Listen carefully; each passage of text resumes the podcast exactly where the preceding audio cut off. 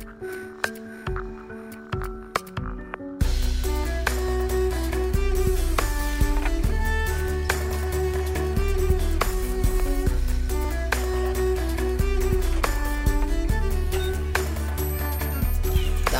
kjører vi på med en ny episode av Nerve. Holdt jeg på å si virkelig grusomt, men det er en annen podkast.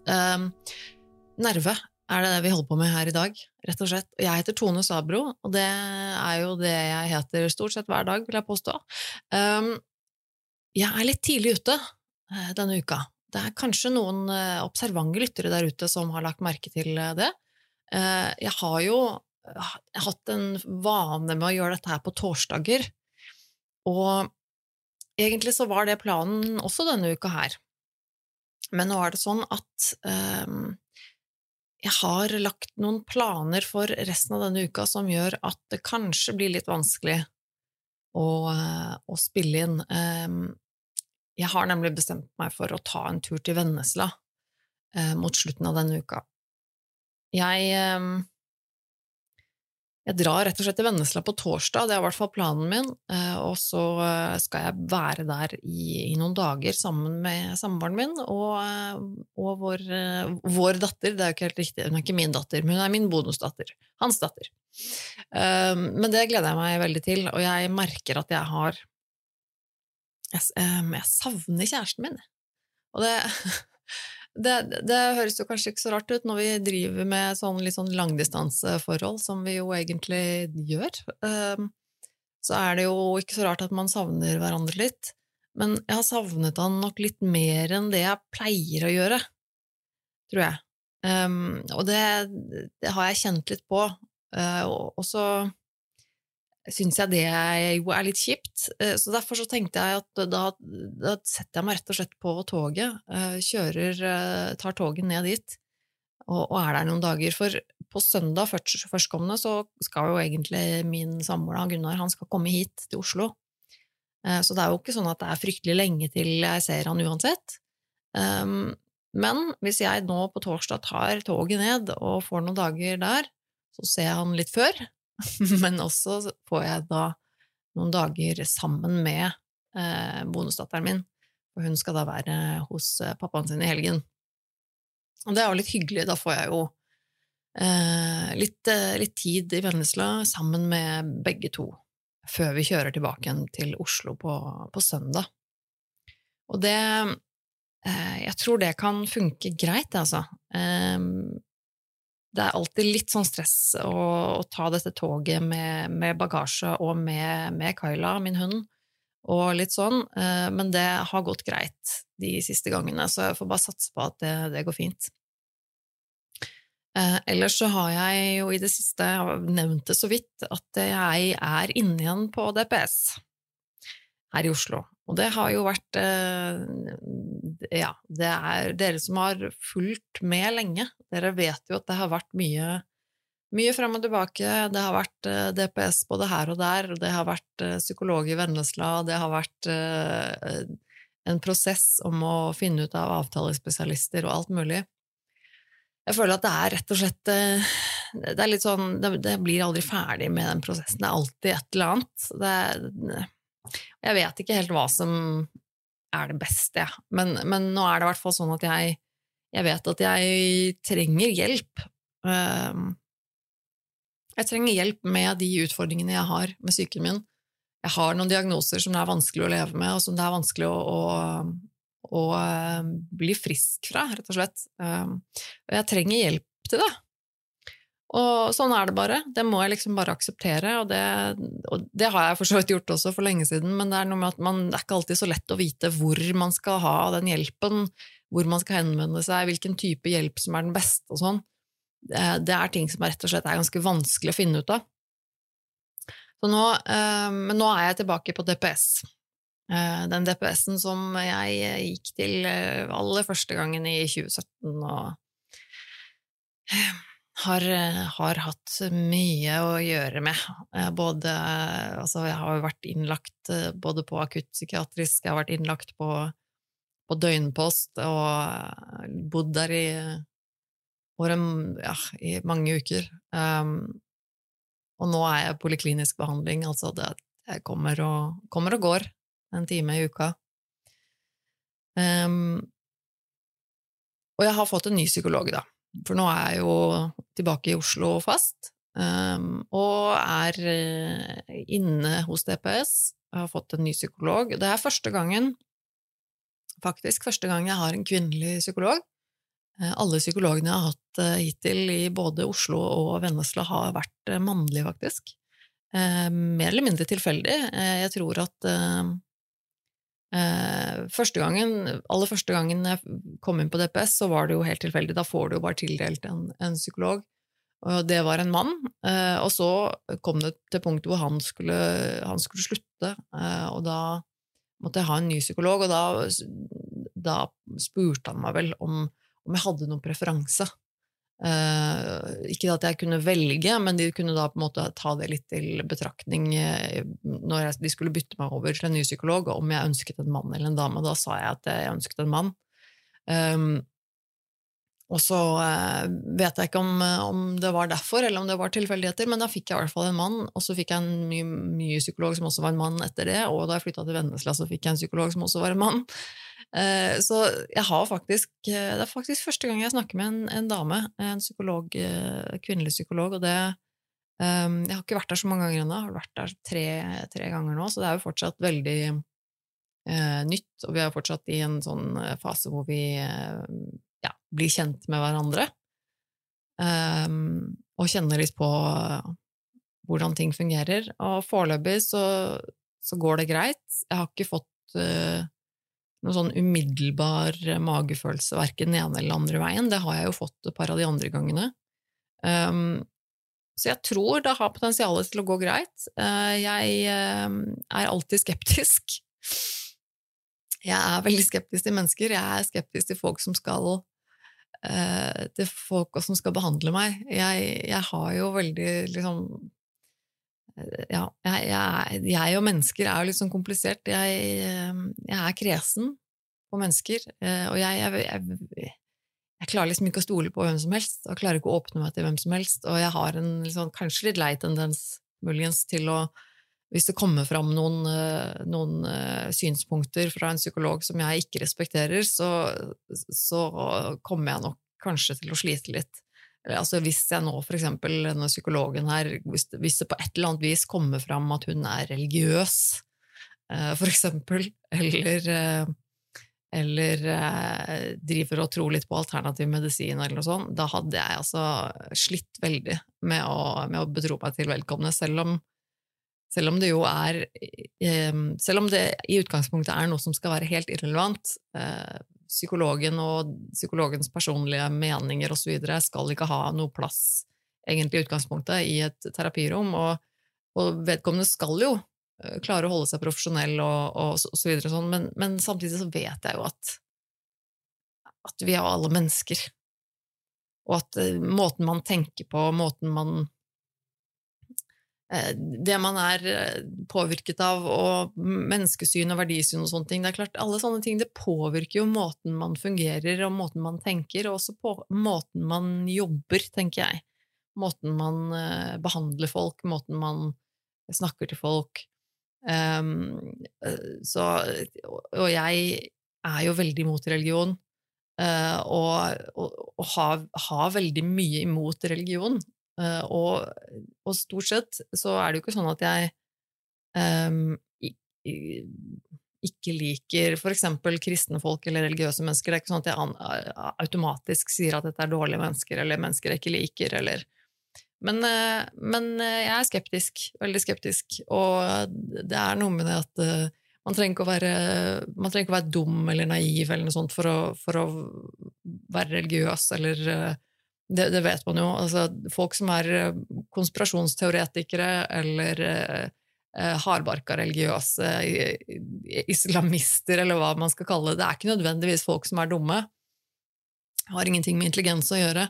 Så det, det, det er noe med at, eh, men, men det, påvirker jo, det påvirker jo mennesker, og hvordan man oppfører seg, og hvordan man er mot andre. Og det, det så sånne ting det, Jeg er jo skeptisk fra folk fra før av, og hvis jeg da får en sånn liten eh, liten hint, liksom, om at eh, psykologen min har noen verdisyn som jeg syns er eh, ugreie, så, så, påvirker det meg nok veldig.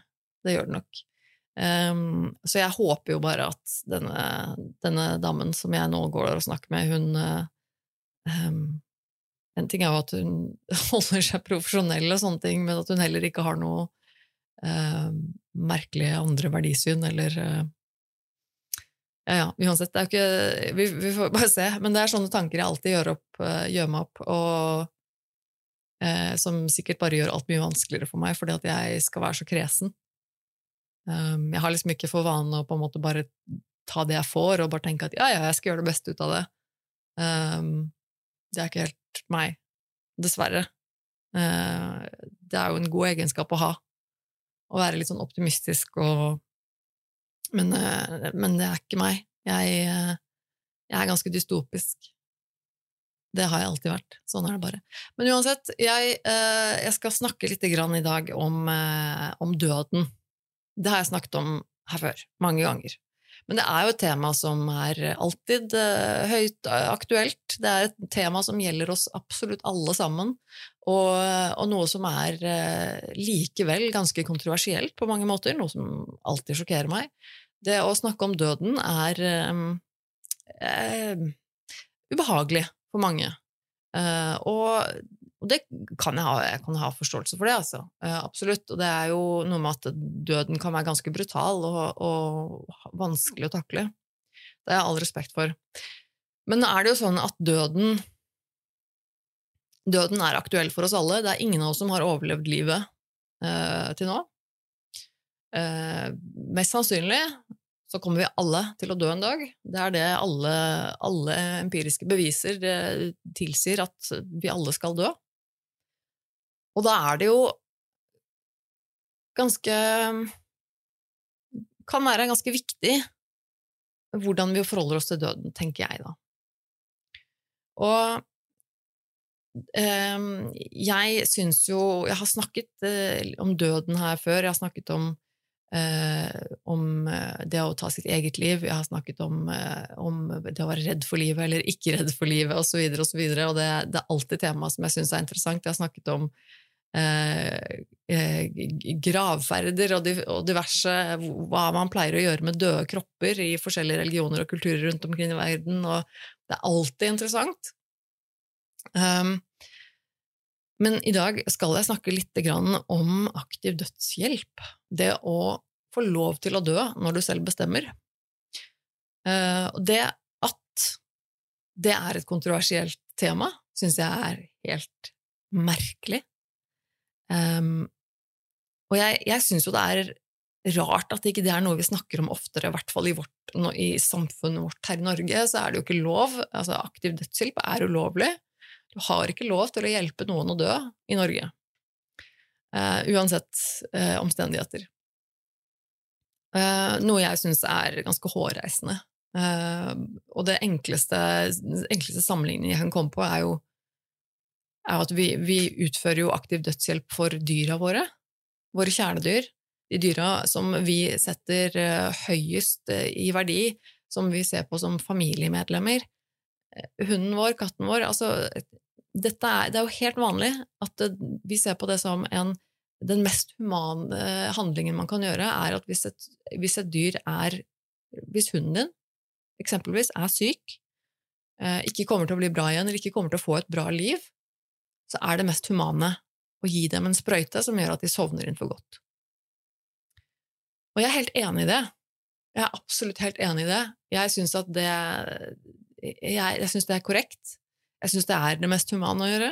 Um, men jeg skjønner jo ikke helt hvorfor det ikke angår oss selv. Jeg skjønner ikke helt hvorfor det ikke angår mennesker. Jeg syns jo Og så vidt jeg vet, så er det, så er det vel stor enighet eh, i samfunnet om at aktiv rettshjelp bør eh, være lov. Correct me if I'm wrong, det kan hende jeg tar feil nå, men jeg mener å huske, jeg husker ikke hvor jeg leste det, men jeg mener å huske jeg leste det eh, et eller annet sted i en avis og sånt, eh, at eh, hvis man spør på en måte folk på gata, så, så mener jo de fleste at, at eh, det er ikke noe galt med aktiv dødshjelp, og at det kanskje burde være lov. Eh, så det at, det at vi da ikke snakker om det politisk litt oftere, det syns jeg er rart. Eh, og jeg leste også her et eller annet sted at det eneste politiske partiet i Norge som var for aktiv dødshjelp, er Frp. Det det syns jeg også er rart. Jeg syns det er merkelig.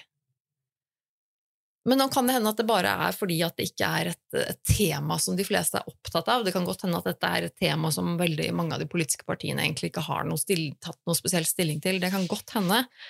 Um, men jeg syns jo Jeg syns jo dette er viktig. Jeg tenker jo at døden er Vi kommer ikke unna den døden. Den er der hver dag, hele tiden. Den lurer over oss gjennom hele livet. Ingen av oss vet når vi møter den, som regel. Um, men jeg tenker jo at det å kunne møte døden på en verdig og god måte er eh, er eh, er en god ting. At vi er verdige å møte døden på en verdig måte. Og det tror jeg også er noe de fleste av oss unner våre nærmeste. Og ikke nødvendigvis våre nærmeste engang, men unner hverandre som, som mennesker. Uh, våre medmennesker. Og tenker at det, at det er humanistisk eh, ståsted, og, og ønske at man skal kunne dø på en verdig måte.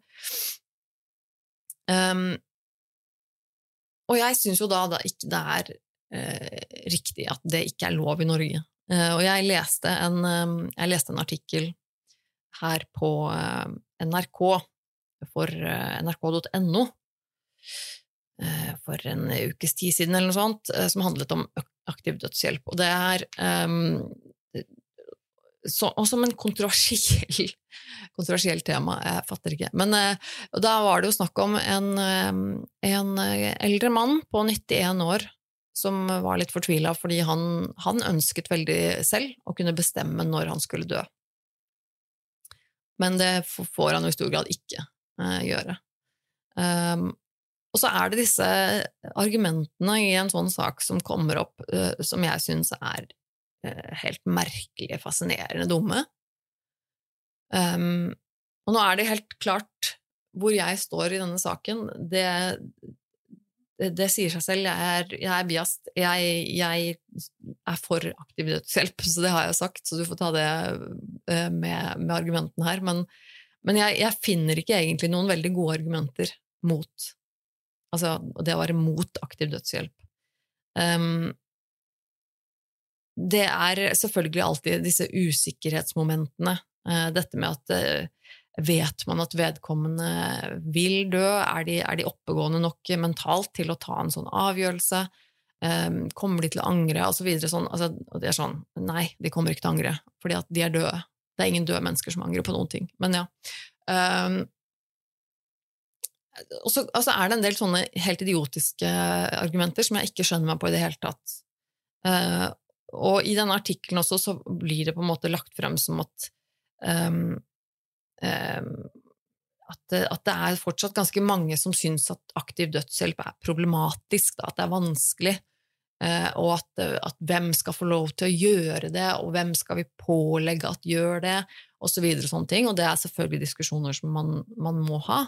Eh, men det at helsepersonell da skal, skal måtte, eh, skal måtte byrde med, med, med, denne oppgaven og, og, hjelpe folk å dø og sånn, at det er så fælt. Men, men helsepersonell er det jo noen som, som, vet hvordan det er å deale med døden, så er det jo helsepersonell. Det her er jo mennesker som jobber med døden eh, hver dag. Altså sykepleiere på enten pleiehjem eller sykehus eller leger eller, eller altså, dette her er jo mennesker som, som, som, vet aller best hva døden er, og hvordan døden ser ut. Og jeg tenker at er det jeg, Har du valgt å jobbe på et sykehus, eller med, med, helse, har du valgt å jobbe med eldre, har du, valgt, altså, har du valgt den type arbeid, så har du også til en viss grad valgt å jobbe med døden. Da har du jo valgt å jobbe med disse spørsmålene, med mennesker som er enten alvorlig syke eller som nærmer seg slutten på livet. Og det er jo Jeg tenker døden er jo det mest eh, naturlige eh, spørsmålet eller, eller eh, problemet som man står overfor i en sånn situasjon når det gjelder helsa vår. Det er jo, døden er jo det ultimate vi prøver å unngå. på en måte. Når det gjelder helsa, så er det jo på en måte Det, ultim, det ultimate spørsmålet er jo døden. Uh, og det er jo helt naturlig. Uh, døden er naturlig for alle. Det er en naturlig del av livet. Og vi kan ikke la være å snakke om døden. Vi kommer ikke unna døden. Og det at, uh, det, at, at det skal være vanskelig å snakke om, er greit nok, men jeg skjønner at det kan være vanskelig, men det betyr ikke at vi kan bare la være å snakke om det. Um, og jeg tror at det, det at uh, Jeg skal se om jeg bare se om jeg kan åpne den her Jeg fant um, jeg tror det var eh, Jonas Gahr Støre og eh, Erna Solberg som hadde uttalt seg på et eller annet eh, om dette her på et eller annet tidspunkt, og som hadde kommet med sånn bare helt idiotiske ting. Um, uh, ja, for, jo, for dette her kom jo opp i forbindelse med at um, det var dette store folkemøtet i Tromsø Uh, og det var da den, eh, den uh, Hans Smith-Sivertsen i, i, Tromsø mandag kveld stilte han statsminister Jonas Gahr Støre og Høyres leder Erna Solberg spørsmål om aktiv dødshjelp. Han lurer på om det ikke burde være en menneskerett å kunne avslutte sitt eget liv under visse omstendigheter og med samfunnets støtte og assistanse. Jeg ønsker muligheten til å kunne avslutte livet når jeg selv vil. Jeg ville følt meg tryggere og hatt det enda bedre om en slik mulighet fantes med offentlig assistanse. Smith Siversen sier han eh, selv eh, kjenner flere 80- og 90-åringer som har levd lykkelige liv, men som ville satt pris på denne muligheten. Um, bergenseren forstår at mange helsepersonell kanskje vegrer seg for å hjelpe til med aktiv dødshjelp. Muligheten til å styre sin egen død uten å måtte ty til dramatiske selvmord kan for mange være viktig. Smith-Sivertsen skisserer tre omstendigheter der han ønsker assistanse til å forlate verden. Hvis han får en diagnose som innebærer store og varige smerter, hvis han føler seg hjelpeløs fysisk eller psykisk, hvis han selv er overbevist om at tiden er inne. 91-åringen er klar over at det finnes motforestillinger mot dødshjelp. Noen er kulturelt eller religiøst fundert, og noen tenker at eh, man kan la seg presse av familie til å gjøre det slutt. Men har man gode familieforhold, så er dette lite sannsynlig, mener han. Og jeg tenker jo også at Ja, eh, jeg, jeg, jeg, tenker vel også at det å, det å la seg presse synes er, uh, det syns jeg høres helt forferdelig ut, det skal jeg bare si med en gang. Selvfølgelig at hvis det er en situasjon hvor en, en person føler seg presset av sine nærmeste til å ta livet av seg, um, jeg håper jo og, og, tenker at det kanskje er et fåtall av tilfellene, altså, men, men jeg tenker jo likevel at det kanskje da oftest eh, er en situasjon hvor det er snakk om en, et menneske som er eh, veldig gammel, som nærmer seg slutten av livet, eh, som, som, kanskje har, eh, som har en, en, tilstand som er veldig krevende da, for, eh, for, folk rundt, for, for eh, folk man er glad i, for pårørende og sykehuspersonell og alt mulig. og da er det kanskje ikke så rart, eller så Eh, hva skal jeg si, så, så, så, langt unna det at vedkommende kanskje ønsker det selv også. Da er det kanskje Jeg sier ikke at noen skal presse på noen å ta sitt eget liv, overhodet ikke, selvfølgelig aldri. Eh, men jeg tenker jo at i en sånn situasjon så er det vel snakk om en person som har det såpass krevende også, og er såpass nærme livets slutt at, at vedkommende kanskje selv også faktisk ønsker hjelp til å kunne dø. Eh, tenker jeg, det høres ikke så rart ut, men, men, men som sagt, jeg, jeg, jeg, jobber ikke med dette, jeg er ikke profesjonell, jeg vet ikke, vet ikke noe om akkurat det. Um, uh, skal vi se Jeg skal bare se litt mer på den um, her. Aktiv dødshjelp er ulovlig i Norge. Skal det åpnes for dette, må loven endres. Flere land i Europa har legalisert det. I Norge har diskusjonen vært oppe, men bare Frp stemte aktivt for dødshjelp, eh, for aktiv dødshjelp da det var tema på Stortinget i 2020. I 19 svarte tre av fire nordmenn at de var positive til å tillate aktiv dødshjelp i en undersøkelse Dagbladet gjennomførte. Etter Smith-Sivertsens spørsmål ble det applaus i salen. Høyres leder Erna Solberg frykter mange føler seg som en belastning og derfor bestemmer seg for å avlaste samfunnet og familien. Derfor er hun imot aktiv dødshjelp.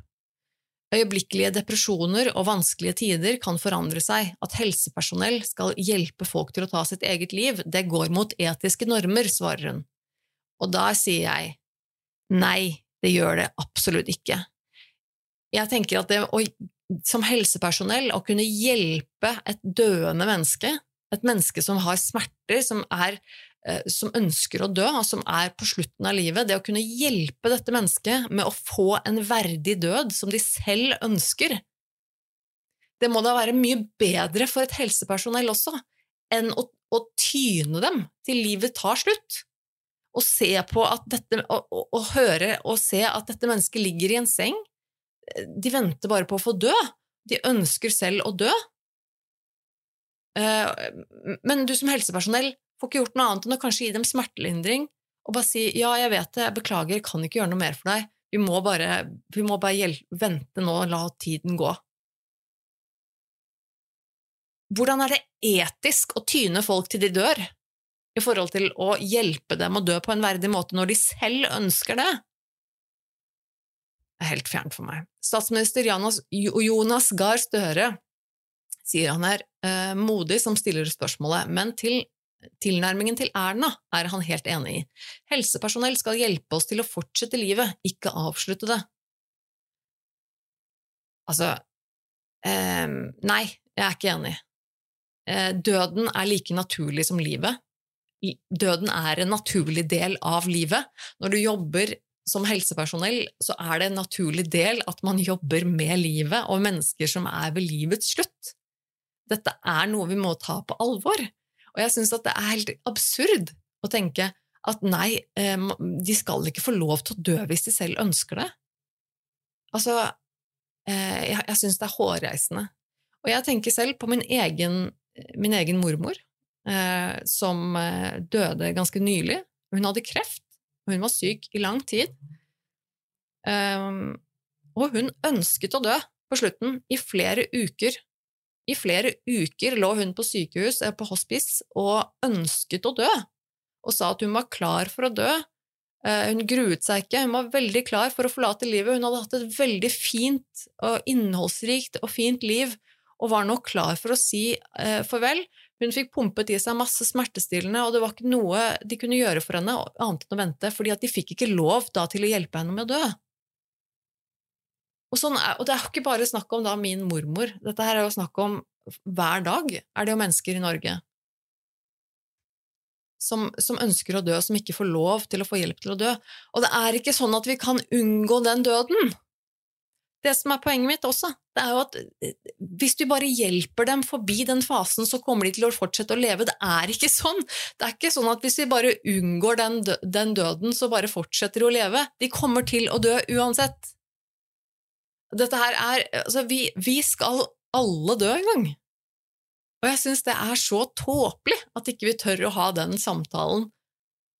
At ikke vi tør å si at jo, jeg syns faktisk at mennesket skal Og vi er så opptatt av at vi skal ha autonomi, og at vi skal ha respekt for hverandres grenser, og at, at, din kropp er din kropp, og du skal bestemme for din egen kropp, og ingen skal få gjøre med din kropp som Altså, alt dette her. Og det er helt for. Og samtidig så kan vi ikke si da at nei, når du bestemmer deg for at du vil dø, så får du ikke lov til det. Nei, du skal ikke få lov til å dø. Eh, eller jo, du kan sikkert få lov til å dø, det er jo, altså strengt tatt det er lov til å dø, men det er ingen som skal få lov til å hjelpe deg med det. Hvis du velger å ta ditt eget liv, så er det noe som er opp til enhver person å velge, men det er jo ikke alle som er i stand til å fysisk ta sitt eget liv når de ligger på slutten av livet og holder på å dø, og ønsker å dø. Og det å da kunne hjelpe noen Altså, Nei, jeg syns det, det, her er så Det er sånn absurd at folk fortsatt sitter og tviholder på dette her. Um, at, dette er, at, dette, at, aktiv dødshjelp er forferdelig, at dette kan vi ikke dette er uetisk. Um, jeg syns det er veldig, veldig, veldig rart. Um, skal vi se eh, Støre sier han har vært vitne til foreldre som gikk gjennom en veldig sårbar fase. Det er, det er et veldig forståelsesfullt og profesjonelt helsepersonell som hjelper deg til å fullføre livet på en verdig måte.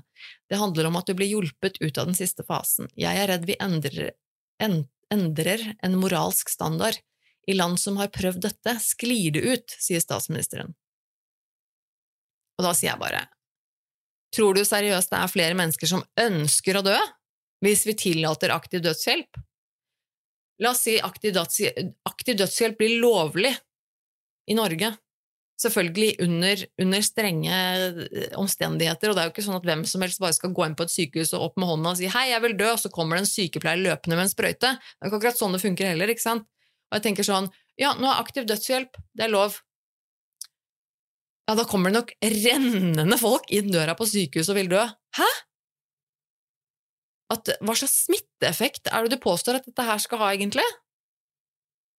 Det her syns jeg er veldig rart, og at eh, og, og, det at, at, Ok, så ja, okay, så, så hvis, vi, hvis vi tillater aktiv dødshjelp, så vil det skli ut i form av at da etter hvert så vil folk ønske at, at det skal være eh, lov å hjelpe folk i ethvert stadie av livet. Unge mennesker som er suicidale, for eksempel, de skal da få hjelp til å ta livet sitt hvis de ber om det. Og da kommer vi inn på sånne selvmords... Eh Selvmordsmaskiner eh, eh og sånn. Skal bli lov. Altså, ærlig talt Ærlig talt går an altså, Skjerp deg! Det er, ikke, det er, ikke, sånn det funker.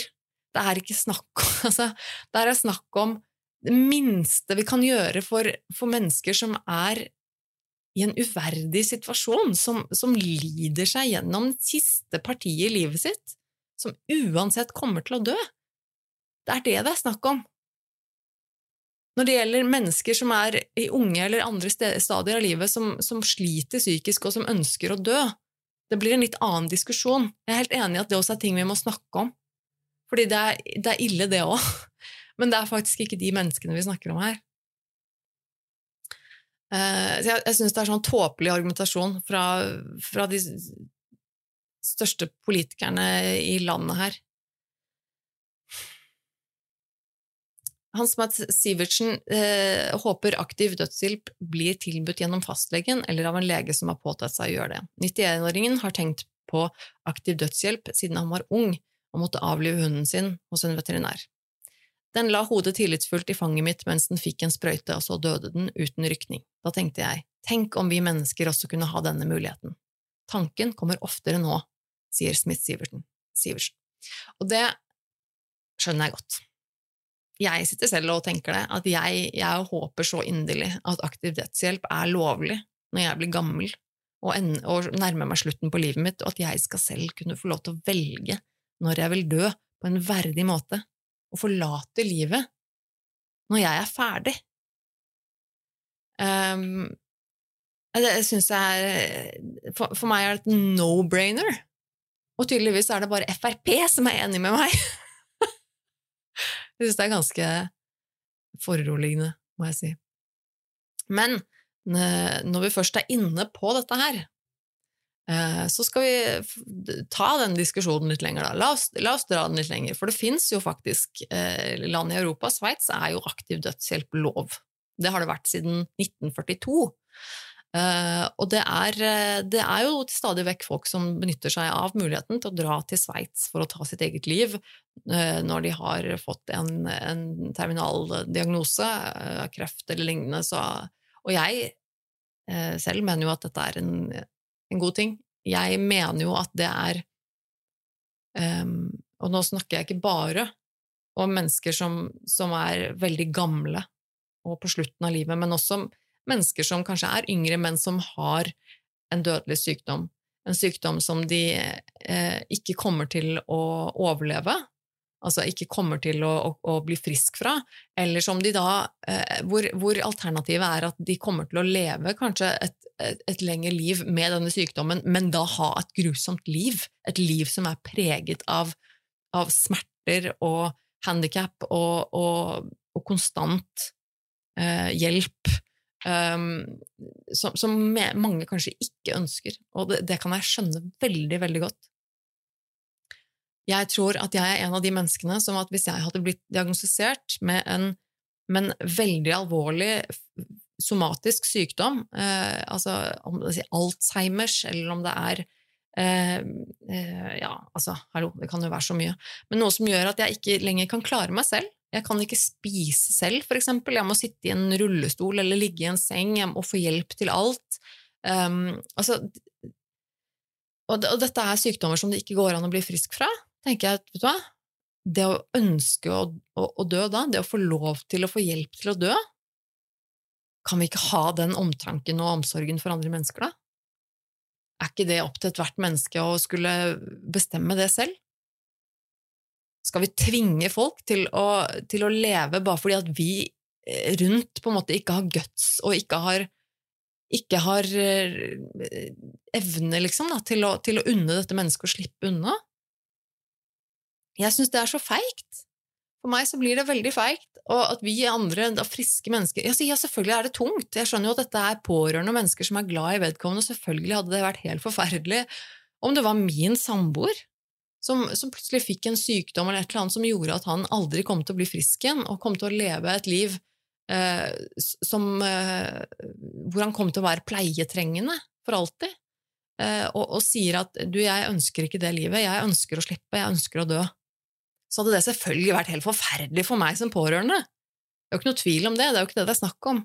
Men jeg håper jo inderlig, og, og ønsker jo inderlig, at jeg som pårørende likevel kan være et, et omsorgsmenneske og, og, tenke at dette er noe jeg unner min, min kjæreste. Jeg unner ikke min kjæreste å bli tynet til å holde ut i dette livet når vedkommende ikke ønsker det selv, når hverdagen består i det å ha smerter og føle seg nedverdiget og ikke kunne, ikke kunne leve det livet man ønsker, så tenker jeg at hva i all verden er du for et menneske som skal nekte, eller som skal tenke at nei, det er egoistisk av deg å dø? Det er jo egoistisk av meg å kreve av andre mennesker å være i live hvis de ikke vil det.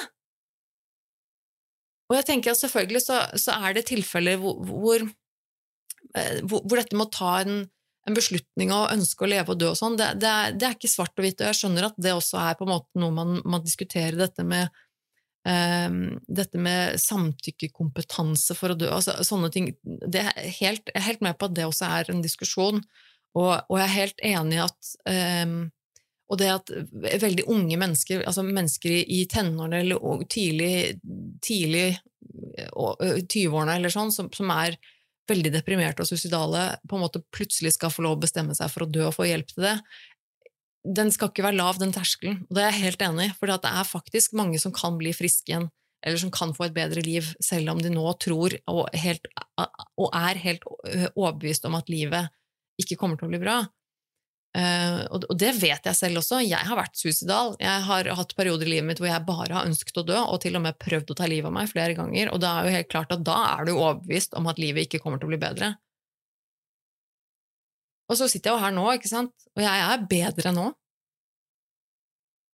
Og jeg tenker jo det at ja, selvfølgelig så, så er jo det noe jeg unner andre mennesker også, å på en måte se at det går an i mange tilfeller å komme seg ut på andre siden av en sånn situasjon. Så, det, så, jeg sier ikke at det er et enkelt diskusjon, enkelt spørsmål, det er ikke ja eller nei, det er på en måte ikke svart og hvitt, men det er likevel viktig. Og jeg syns det er feigt å ikke kunne snakke om dette og ikke kunne anerkjenne det at um, at, at mennesker dør, og at noen ganger så er ikke livet ønskelig for enkelte personer. Livet er ikke det aller beste som fins for alle. Altså dette med at livet er en gave, og at det er så fantastisk å leve og sånn. Hvis du mener det, så er jo det kjempefint, men det er faktisk ikke realiteten for alle. Og så tenker jeg at da er det noe man også skal respektere og, og, og, og ta på alvor. For alle er ikke livet en gave. For alle er ikke livet fantastisk og, og nydelig. Og jeg syns det var veldig interessant. Jeg leste Jeg kom over det her um, for en, en god stund siden. Dette, for dette er Sveits. Der er det jo lov med, med assistert selvmord, holdt jeg på å si. Um, og der er det altså en, en, en oppfinner som har kommet opp med um, en selvmordspod. Noe som de Han, dr. Philip Nitschke, han er blitt dubbet Dr. Death, og blir kalt i denne artikkelen her The Elon Musk of Assisted Suicide. det er jo ganske komisk. Men han har da um, oppfunnet en ja, skal si, hva skal jeg kalle det, en maskin. Uh, det er en, en pod som, um, som, er som skal brukes da til å ende livet. Um, og det er en Ja, hva skal, hva skal jeg forklare det? det? Det, ser ut som uh, Det ser ut som en, en, en avrundet kiste med sånn glassfront foran, som er tiltet opp, eh, litt sånn, eh, sånn at uh, hodet er litt lenger ned enn beina på en sånn, sånn liten skammel, holdt jeg på å si. Og så ser den jo ganske futuristisk og fancy ut, noe som jeg syns jo den ikke burde gjøre. Um, men det at, det at dette her fins, syns jeg òg er ganske interessant. For her er det jo et menneske da, som har tatt dette her enda lenger og tenker at, um, at uh, mennesker som ønsker å dø, de må få kunne ønske å dø. Og dette her er altså funnet på uh, funnet ut en, en, et device som skal hjelpe folk med akkurat det. Uh, og den måten det gjøres på, er at det, vet, Jeg leste tidligere også et annet sted her at det, det var noe med at Ja, nå finner jeg ikke igjen akkurat den. Eh, for å få tilgang til en sånn pod, eh, så må du først eh, være medlem av en organisasjon som jeg ikke husker hva Exit or et eller annet Nei, det her var feil artikkel. Nei, her. Exit International heter den organisasjonen, og den må du være medlem i. Det koster jeg tror det var en tusenlapp eller noe sånt, og bli medlem der. Eh, og så, for å få tilgang til en sånn pod, så må du også gjennomgå eh, Gjennomgå en sånn eh, undersøkelse på nettside eller noe sånt, sto det, som du må da bestå. Eh, for å da sikkert bli godkjent til å være samtykkekompetent eller mentalt oppegående nok til å ta en sånn beslutning hvor du da også etter å ha bestått den testen får uh, informasjon til hvor du kan få tilgang da, til en sånn, til sånn pod. Uh, og det som skjer, er at da uh, Måten man dør på, er at denne poden blir fylt opp med nitrogen. Så det står at du vil være død innen ti minutter, men du vil jo miste, miste bevisstheten mye fortere. Så eh, det sto noe om at du, du fikk eh, Hvorfor har jeg en feil artikkel oppe her nå? Um, ideen var i hvert fall at du, legge, du legger deg inn i denne poden uh, og lukker på en måte døra der, så ligger du i en sånn liten, uh, liten greie hvor du får da spørsmål, hvor du får tre spørsmål uh, Jeg må finne igjen den, altså. Var det ikke den, da?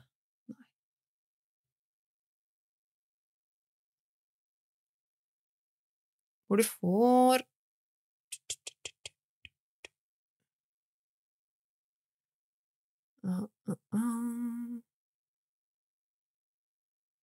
Ja, det står The person will climb into the machine, they will be asked three questions, and they will answer verbally. Altså, de får tre spørsmål som de må svare på verbalt. Spørsmålet er Who are you? Hvem er du? Where are you? Hvor er du? Og do you know what happens if you press the button? Altså, vet du hva som kommer til å skje hvis du trykker på knappen? Og hvis de svarer de, eh, på de tre spørsmålene eh, på verbalt eh, og får godkjent, holdt jeg på å si, så, så, vil da programmet i den maskinen der gjøre denne knappen tilgjengelig. Um, og når de trykker da på denne knappen, så kommer de til å dø ganske fort, skriver han da.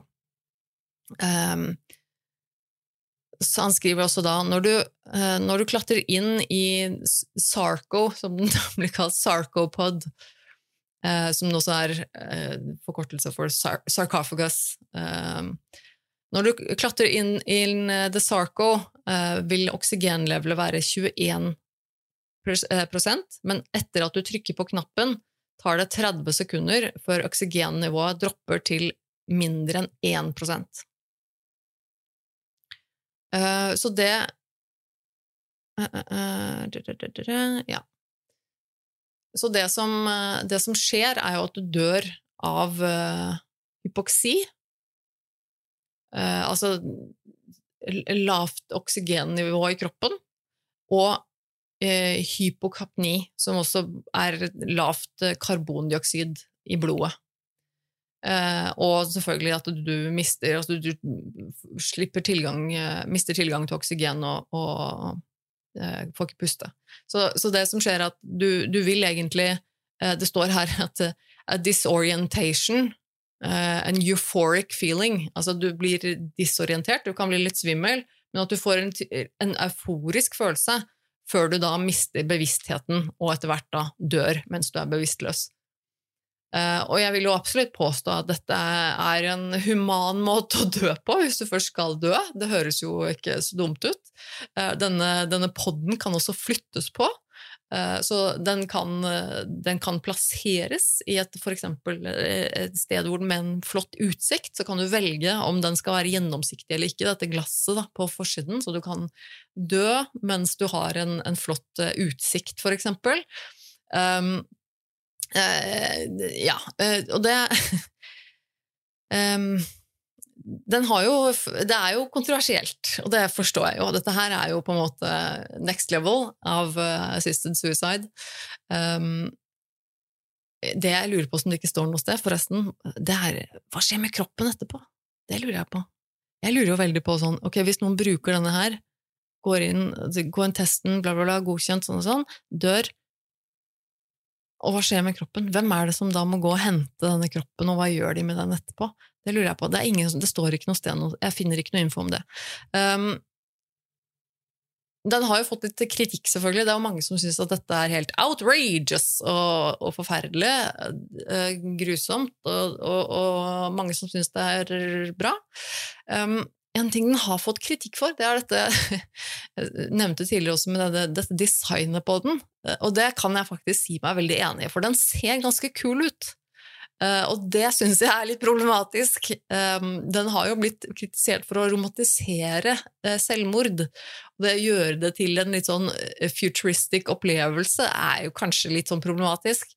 Den ser jo Den er litt sånn På det ene bildet så er den liksom grå og lilla, eh, pod med litt sånn eh, blått lys inni, og så er den så gjennomsiktig på forsiden. Eller så har den også vært bilde av en, en, som er svart og rød, eh, med litt sånn blått lys inni. Og det ser jo ut som en sånn merkelig sånn fremtidspod av noe slag, noe veldig rart, med vilje.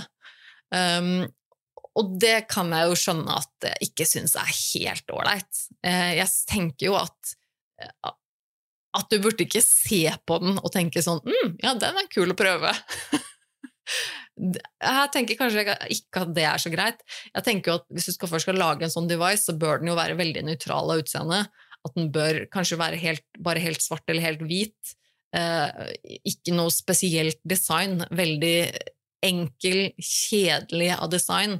Det skal ikke være sånn at du ser på den og tenker sånn Å, oh, ja! Kult! um, det er min tanke, da. Det hadde kanskje vært litt mer etisk. Eh, men, eh, men eh, Så det, det, har de fått en del kritikk for. Det kan jeg jo, kan jeg jo skjønne. Men jeg og de, Foreløpig så De siste artiklene jeg fant, var fra, fra i år, altså 2023, men i, i våres en gang, hvor det, hvor det står Han sier, han, han som har oppfunnet den, han sier 'we're ready to use it'. Uh, we're taking to a number well, we're talking to a number of people who are wanting to be the first to use it. Så de har jo mennesker som ønsker å bruke den, det er jo ikke noe tvil om det. Og det er jo um, uh, de, de, har jo gått gjennom en prosess over flere år her med å gå gjennom lovverket i, i Sveits osv. Og, så og, og funnet ut at den, den er jo faktisk lovlig. Eh, altså, den, den, går ikke på tvers av noe lovverk i, i, um, i Sveits, så strengt tatt så skal det jo være lov. Um, og det står, det står, også at de sveisiske, sveisiske myndighetene er, har, ikke, har, ikke, sagt noe om um, whether it intends to allow use of the capsule. Altså, de har ikke sagt noe om de kommer til å tillate det eller ikke. Um, men uh, Men det her er jo interessant, uh, og jeg tenker at uh, dette er nok kanskje next level. Og dette er, skjønner jeg jo at det kanskje ikke er helt diskusjonen i Norge, at vi ikke er der ennå, men, men jeg syns dette her vekker en del interessante spørsmål jeg, dette her er kontroversielt eh, på en sånn måte som jeg syns er veldig interessant, fordi at um, For meg, da, så og, er, og, jeg skjønner jo at jeg nok kanskje har andre forutsetninger enn en mange andre. Jeg har jo som sagt levd eh, levd gjennom perioder av livet hvor jeg faktisk helt oppriktig ønsket å dø.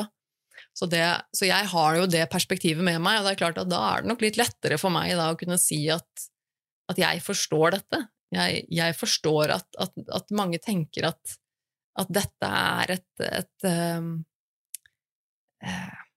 Holdt jeg på å si et godt tilbud. at dette er på en måte Ja, et godt alternativ, da, for å si det sånn. Det er jo Selvfølgelig så skal vi altså, Målet må jo alltid være å, å å jobbe for at folk ikke skal ønske å dø.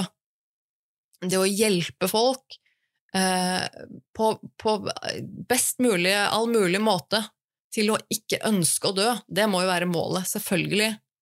Men jeg tror at en nullvisjon der, det er, helt, det er helt urealistisk. Det kommer alltid til å være mennesker som ønsker å dø. Det kommer alltid til å være mennesker som, som ønsker å ta livet av seg, og som tar livet av seg. Jeg mener ikke at det skal være lett å gå og ta livet av seg, men jeg syns heller ikke at det skal være umulig. Og jeg syns det skal være mulig på et eller annet vis da, å kunne gjøre det på en, eh, en verdig måte. Og da syns jeg jo dette her er litt interessant, dette med denne, denne poden. Um, jeg, jeg, vet ikke helt hva jeg syns, sånn helt konkret, om jeg syns dette er noe som burde være lov eller ikke. Jeg, jeg, ikke, jeg vet ikke. Jeg, har ikke bestemt meg helt, tror jeg. Jeg, jeg heller nok mot at, at jeg syns at det burde være lov. Men jeg syns nok at veiled, veiledende regler, lover rundt dette her, burde være veldig strenge.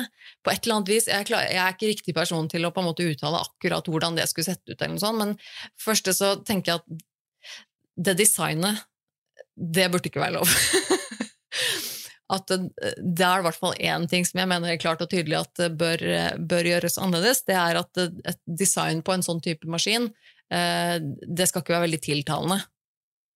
Eh, og det må sies bare sånn før jeg glemmer det, at det var også en emergency, emergency stopp-knapp inni, inni også. Bare sånn at jeg, For det glemte jeg å si i stad.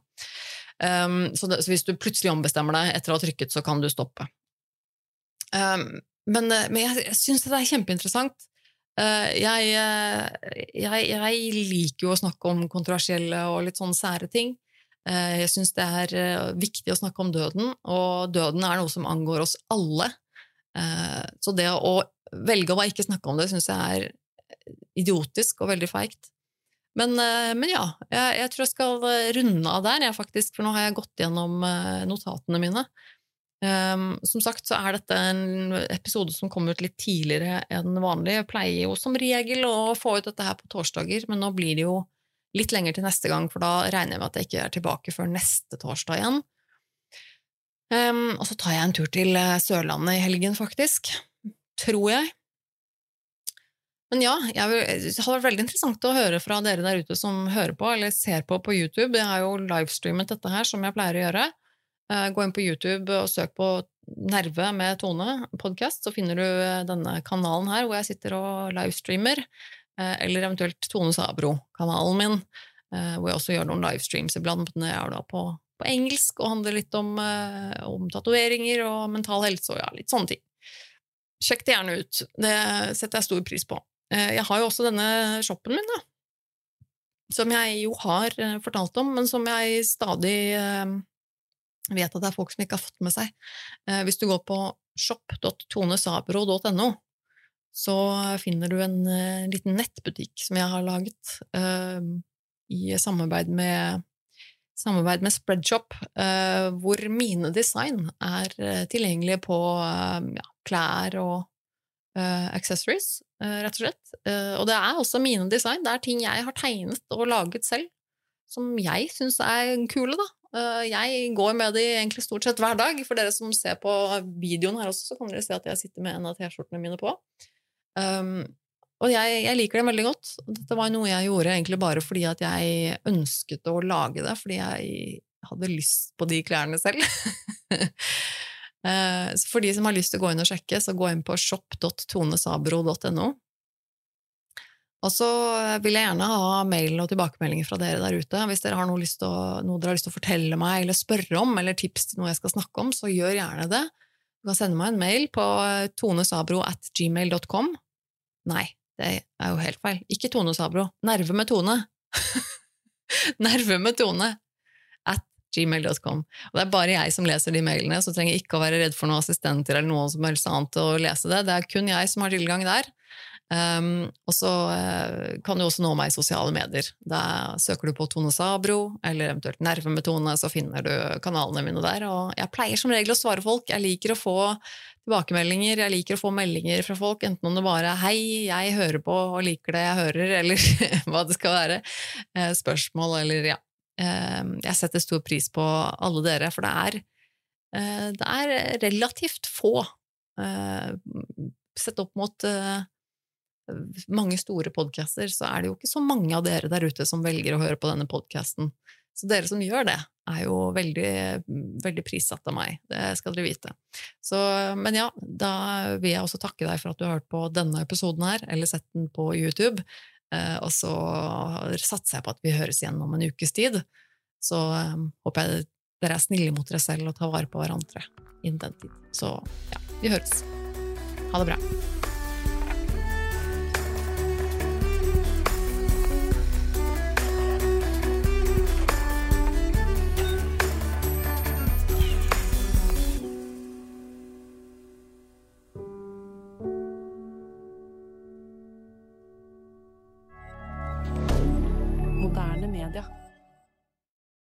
Har du et enkeltpersonforetak eller en liten bedrift? Da er du sikkert lei av å høre meg snakke om hvor enkelt det er med kvitteringer og bilag i fiken, så vi eh, gir oss her, vi.